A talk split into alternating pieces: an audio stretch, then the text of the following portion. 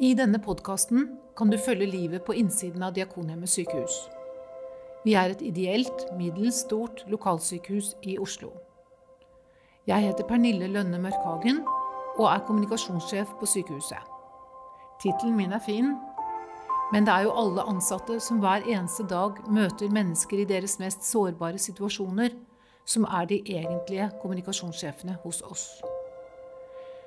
I min sykehushverdag snakker jeg med dem om jobbhverdagen deres, hva som gjør den spennende og krevende, og om alle møtene med pasientene som gjør hverdagen så meningsfull.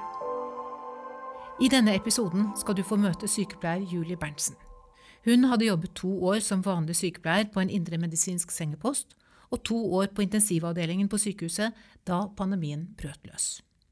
Det er hun og kollegaene hennes som behandler de aller sykeste pasientene på sykehuset. Noen ganger holder hun i den tynne tråden som forbinder pasienter til livet.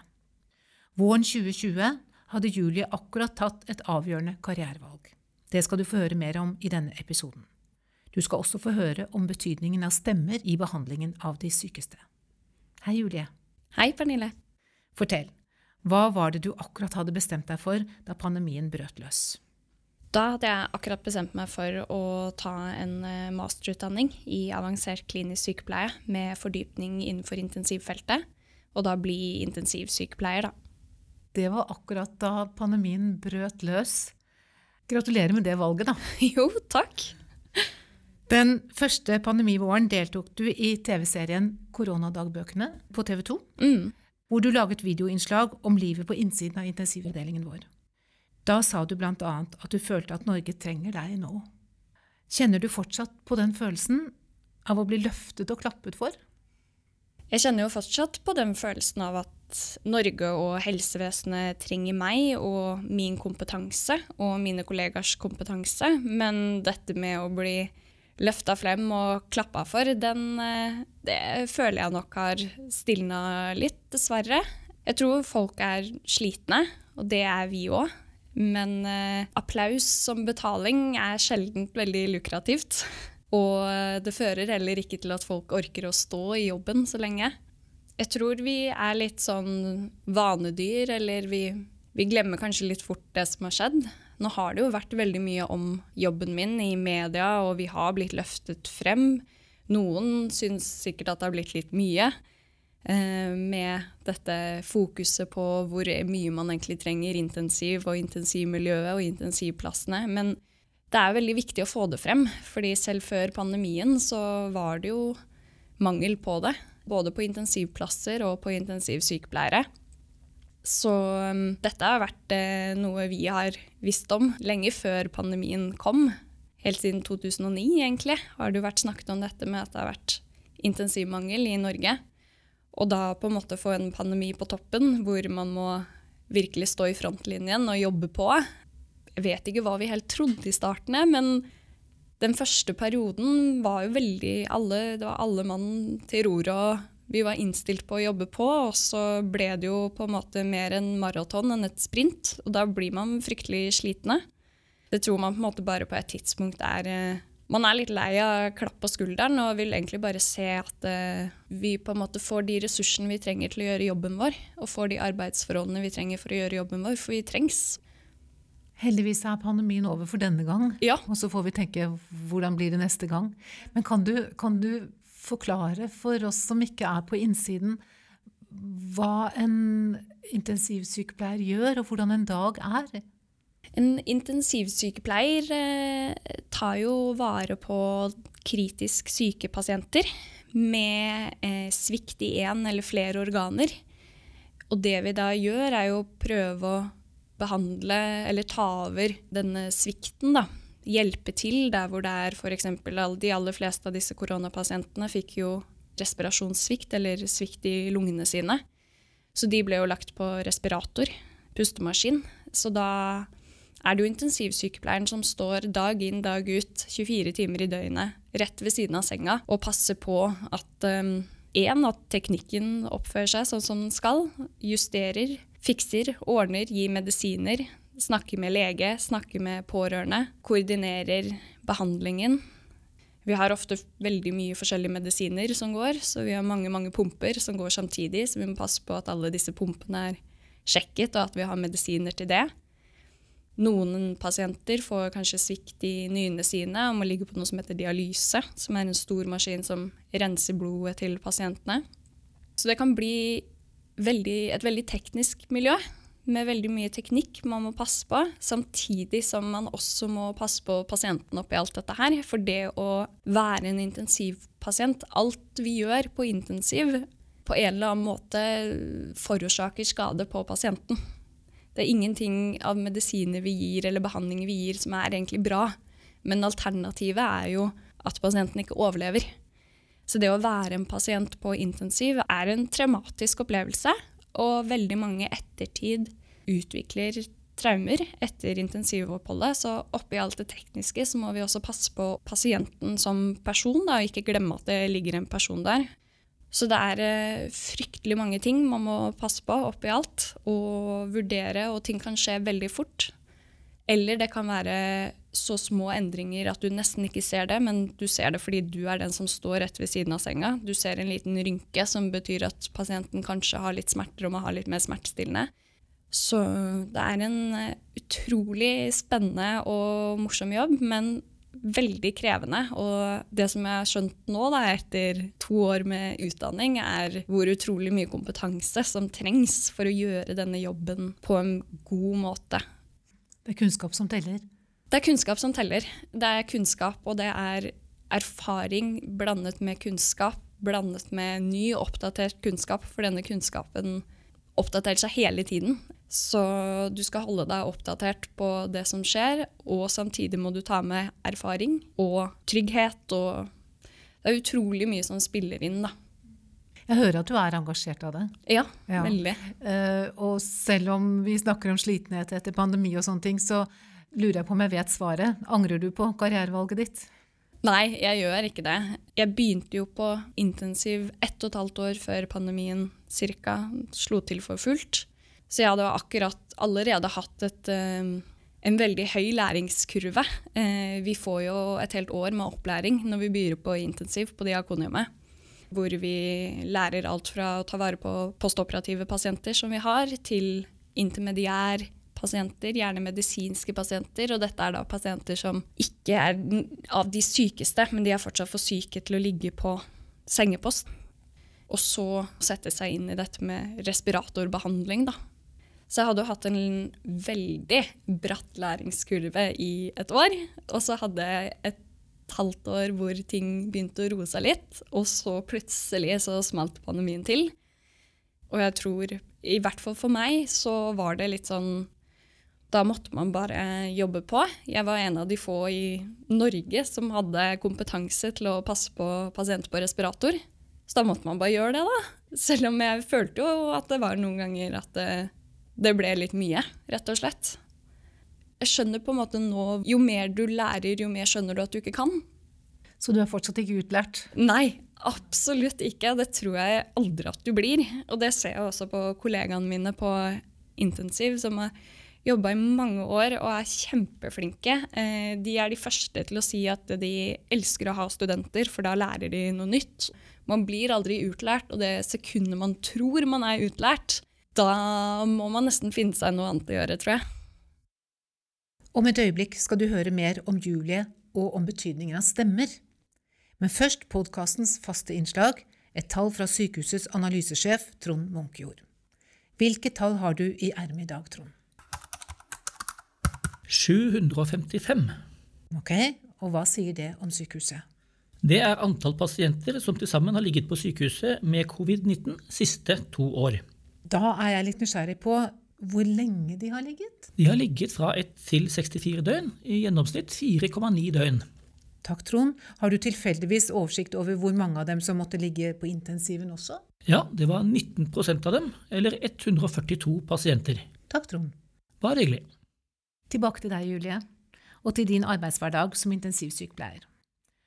Alle pasientforløp er forskjellige. Noen ganger blir pasientene bedre, andre ganger må de gi tapt. Ofte er pasientene dine i dyp koma over lang tid, og det er du og maskinene som holder i den tynne tråden mellom liv og død. og de tar skade av det, som du forteller. Hvordan kjennes det å stå der med livet i denne tynne tråden?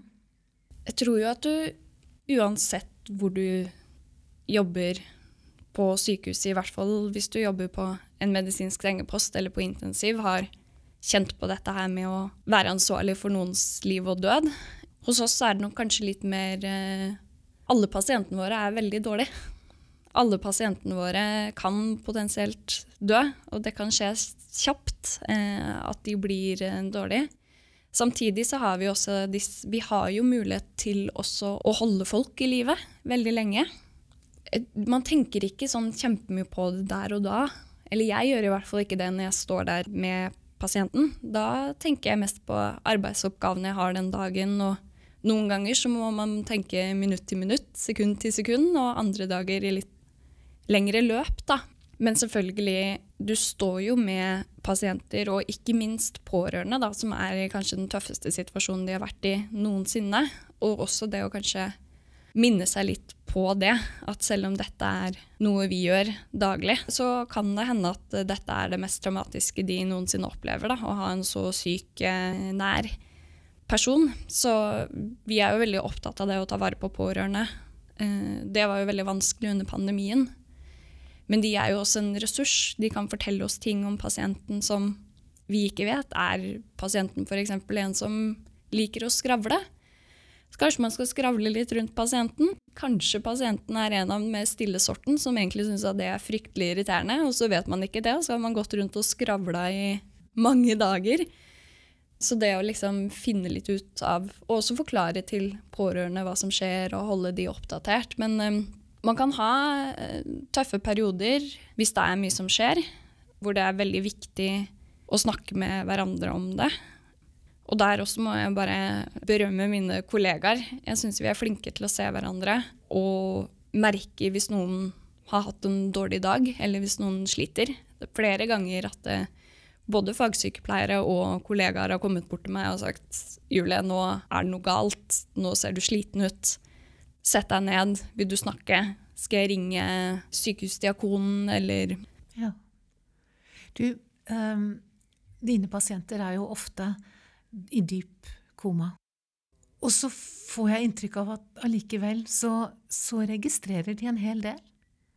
Blant annet stemmer. mm. Forklar nærmere.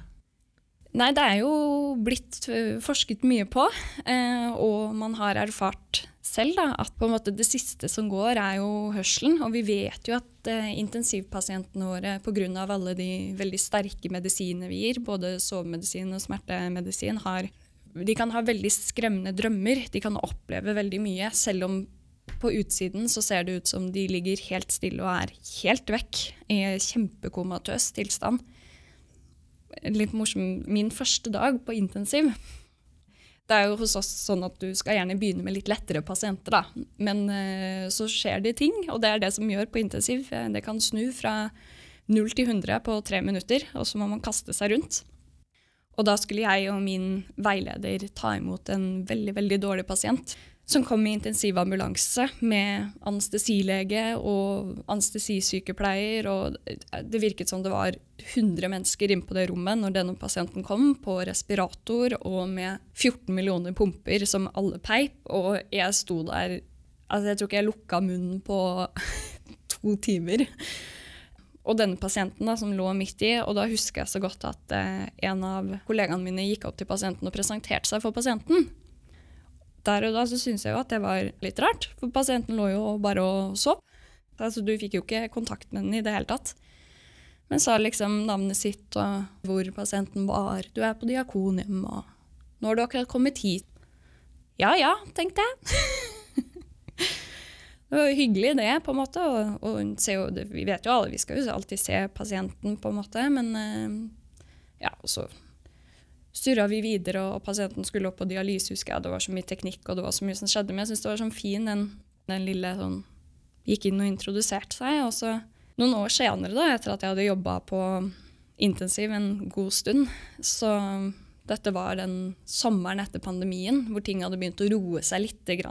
Så jeg satt i den lille koordinatorbua vår, hvor vi passer litt på de som ligger på hjerteovervåkning, og har litt sånn oversikt over avdelingen. Og så ringer telefonen, og så tar jeg den.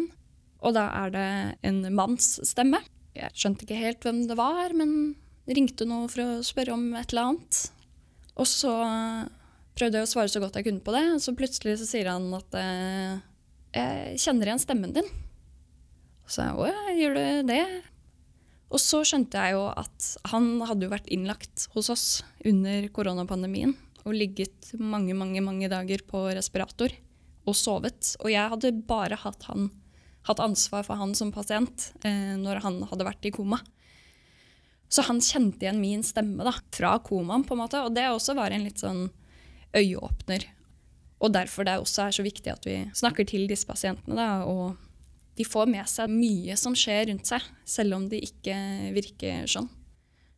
Så det ble en veldig, veldig fin samtale. For da måtte jeg si sånn åh, gjør du det? Og det var jo også veldig hyggelig. Han var veldig takknemlig og var veldig glad for at han hadde blitt bedre da, og fått lov til å reise hjem. Så Og dette, og dette var noen uker imellom, det var i hvert fall en måned etter at jeg hadde vært hos han. så stemmene betyr mye. De gjør det. Har jeg hørt riktig at vi skriver dagbok for pasientene våre på intensiven? Ja, Hvorfor gjør vi det? Da har du også forskning, da. Alt vi gjør er jo veldig forskningsbasert, noe som jeg syns er veldig bra. Men dette handler jo om at disse intensivpasientene opplever noe fryktelig traumatisk. Deres kropp og identitet blir tatt bort fra dem. De blir utsatt for eh, mye smerter av det vi må gjøre, eh, og også mye rare drømmer. Eh, mange av de kan være ganske forvirra når de våkner, det som vi kaller for delirisk. Så det handler om å prøve å bearbeide disse inntrykkene. Da. Det er en del også som du, du har en risiko for å utvikle PTSD etter et intensivopphold. Det må du forklare nærmere. Posttraumatisk stress disorder. Nå har jeg ikke helt tall på det, men det er ganske høyt tall etter et intensivopphold. Spesielt et langvarig intensivopphold med mye medisiner. Og det man har funnet ut, er jo at det at vi skriver disse dagbøkene, da, hvor vi skriver litt dag til dag på et veldig sånn ikke-medisinsk språk om hva som skjer og hvor de er. Vi tar bilder, og så lagrer vi dette, og så, etter at de er skrevet ut fra intensiv, noen måneder etterpå, så ringer vi de og ber de om å komme tilbake til en ettersamtale. Og da gir vi ofte den intensivboka. Og det er ikke alle som orker å se på det med en gang. Noen gjør det, noen syns det er kjempeartig og har lyst til å vise det til alle vennene sine. Så her er man forskjellig, men det er i hvert fall en, et verktøy for å bearbeide det traumet som er å være intensivpasient. Og for de pasientene vi har som dør, så tilbyr vi også disse, denne dagboken til pårørende. Hvis de er interessert i det. Det er det ikke alle som er, og det er også helt greit, men noen syns at det også er en fin måte for de da, å bearbeide det traumet de har vært igjennom. Julie, du er ung. 31. Ja. Eh, Men du har allerede rukket å få erfaring fra ulike steder. Både fra sengepost og intensiv hos oss. Mm. Det er stor forskjell å jobbe på de to stedene, er det ikke det? Det er en stor forskjell i forhold til hvordan man tenker. Vi tenker veldig mye beredskap hele tiden på intensiv. Samtidig så fordi det er, du holder på med så mye farlige ting, da, så får du veldig god oppfølging. Så jeg følte jo nesten at jeg Eller jeg fikk mer opplæring når jeg begynte på intensiv når jeg begynte på sengepost. Da blir man litt kasta ut i det. Så hvilken av de som var tøffest å starte på, det vet jeg ikke. Det er utrolig mye ansvar du har på sengepost også. Og da har du så utrolig mange flere pasienter å passe på. Så all respekt til de som jobber på sengepost, men vi jobber nok på en litt annen måte. Det gjør vi. Og så har du jobbet nå i, mens du har vært student, så har du prøvd deg på større sykehus. Ja. Og på intensivavdelingen på større sykehus. Mm. Hva er forskjellen på å jobbe på en stor intensivavdeling og på vår lille, relativt lille intensivenhet hos oss? Jeg tror jeg har vært i praksis på Oslo universitetssykehus. Det er jo et enormt eh, stort sykehus med mye kjempeflinke folk. Jeg har vært på mer sånn spesialiserte intensivavdelinger hvor man blir kjempegod på hjertet, på en måte. Kanskje ikke så god på veldig mye annet. Eh, hos oss så blir vi jo Vi er jo en avdeling som tar alt mellom himmel og jord. Og også det vi ikke aner hva er. Så vi blir jo veldig gode på å prøve å finne ut hva som feiler pasienten. Og så er det jo dette med På et større sykehus så er det veldig mye fjes du aldri har kjent før. Eh, og det har jeg savna eh, med intensiv hos oss. Så jeg kjenner igjen de som kommer og tar blodprøver. Jeg kjenner igjen portørene. Er eh, Jeg er veldig fan av at man skal oppføre seg mot OK mot hverandre. Jeg tror nok kanskje at det er litt enklere når det er et litt mindre sykehus, og du kan navnet på folk, og, og det ikke er et fremmed fjes. da.